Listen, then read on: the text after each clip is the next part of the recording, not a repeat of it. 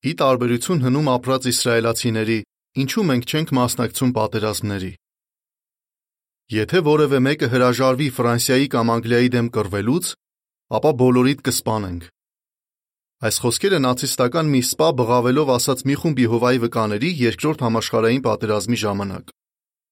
Թեև եղբայրների կողքին մինչև ատամները զինված SS-ական զինվորներ էին կանգնած, բայց նրանցից ոչ ոք փողզիջման չգնաց։ Ինչպիսի քաջություն։ Այս դեպքը հստակ ցույց է տալիս, թե ինչ տեսակետ ունեն Եհովայի վկաները պատերազմների վերաբերյալ։ Մենք չենք մասնակցում պատերազմների եւ անգամ մահվան սպառնալիքի ներքո չեզոք ենք մնում այս աշխարհի հակամարտություններում։ Այնուամենայնիվ իրենց քրիստոնյա համարող ոչ բոլոր մարդիկ են համաձայն այս դիրքորոշման հետ։ Շատերն այն կարծիքին են, որ քրիստոնյան կարող է եւ պետք է պաշտպանի իր երկիրը։ Նրանք թերևս հարցնեն. Եթե հնում Աստծո ժողովուրդը մասնակցում էր պատերազմների, ապա ինչու քրիստոնյաները այսօր չեն կարող այդպես վարվել։ Ինչպես կպատասխանես այս հարցին։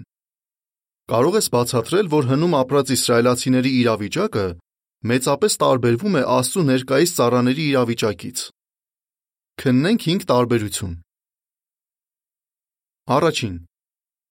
Աստծո ժողովուրդը նույն ազգից էր։ Անցյալում Եհովան մեկ ազգ էր ընտրել, որ այն լիներ իր ժողովուրդը։ Դա Իսրայել ազգն էր։ Աստված ասել էր, որ նրանք բոլոր ժողովուրդների միջից իր հատուկ սեփականությունն են։ Ելք 19:5 Բացի այդ, նա նրանց կոնկրետ տարածք էր հատկացրել։ Ոստի երբ Աստված պատվիրեց իսրայելացիներին պատերազմել մյուս ազգերի դեմ,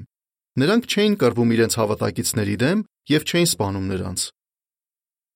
Եղել են դեպքեր, երբ Իսրայելի ցեղերը կռվել են միմյանց դեմ, բայց դա Եհովային դուր չի եկել։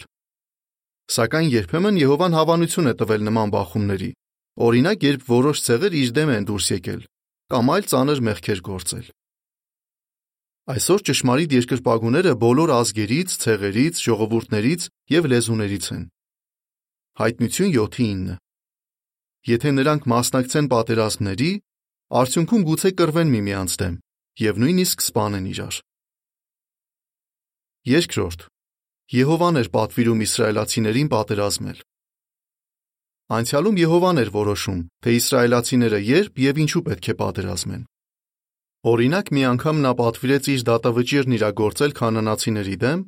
ովքեր հայտնի էին դևերի պաշտամունքով, ծայրահեղ ամբարոյականությամբ եւ երեխաների զոհաբերությամբ։ Եհովան իսրայելացիներին պատվիրեց վերացնել այդ չարազգին այն երկրից, որը նա խոստացել էր իրենց տալ, որ เป զի նրանք չյենթարկվեն վատազդեցության։ Իսկ երբ իր ժողովուրդը արդեն ապրում էր խոստացյալ երկրում, Աստված երբեմն նրանց ուղարկում էր պատերազմելու որ เป զի նրանք պաշտպանեն Իսրայելը թշնամիներից։ Բայց Եհովան երբեք թույլ չէր տալիս, որ իսրայելացիները ինքնուրույն որոշեն՝ պատերազմել թե ոչ։ Եվ երբ նրանք առանց Եհովայի նման որոշում էին կայացնում, աղետալի հետևանքներ էին լինում։ Այսօր Եհովան չի պատվիրում պատերազմել։ Ազգերը կռվում են իրենց շահերից ելնելով, այլ ոչ թե Աստծու։ Սովորաբար նրանք պատերազմում են հանուն տարածքային առավելության տնտեսական շահի կամ էլ քաղաքական ու գաղափարախոսական նկատառումներից ելնելով։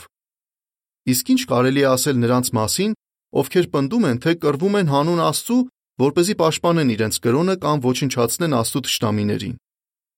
Եհովան պաշտպանելու է բոլոր նրանց, ովքեր ճիշտ ձևով են պաշտում իրեն, եւ կործանելու է իր ճշտամիներին ապագայում տեղի ունենալիք պատերազմի Արմագեդոնի ժամանակ։ Այդ պատերազմում Աստծո զորքը բաղկացած չի լինելու նրա երկրային ծառաներից, այլ կազմված է լինելու միայն ոգեղեն արարածներից։ Երորդ. Իսրայելացիները խնայում էին նրանց, ովքեր հավատ էին դրսևորում։ Անցյալում իսրայելացիների զորքը հաճախ խնայում էր նրանց, ովքեր հավատ էին ցուցաբերում Աստծո հանդեպ, եւ սպանում էր միայն նրանց, ում Եհովան արժանի էր համարում մահվան։ Քննենք երկու օրինակ։ Թեև Աստված պատվիրել էր կործանել Երիքով քաղաքը, սակայն իսրայելացիները չսպանեցին Ռախաբին եւ նրա ընտանիքին, քանի որ վերջիններս հավատ էին դրսևորել նրա հանդեպ։ Իսկ հետագայում, երբ Գաբաոնացիները առողջ վախ դրսևորեցին Եհովայի հանդեպ, նրանց ողջ քաղաքը Գաբաոնը փրկվեց կործանումից։ Այսօր պատերազմող ազգերը չեն խնայում նրանց, ովքեր հավատ ունեն Աստծո հանդեպ։ Ազգամիչյան կոնֆլիկտներում հաճախ խաղաղ բնակիչներն են զոհվում։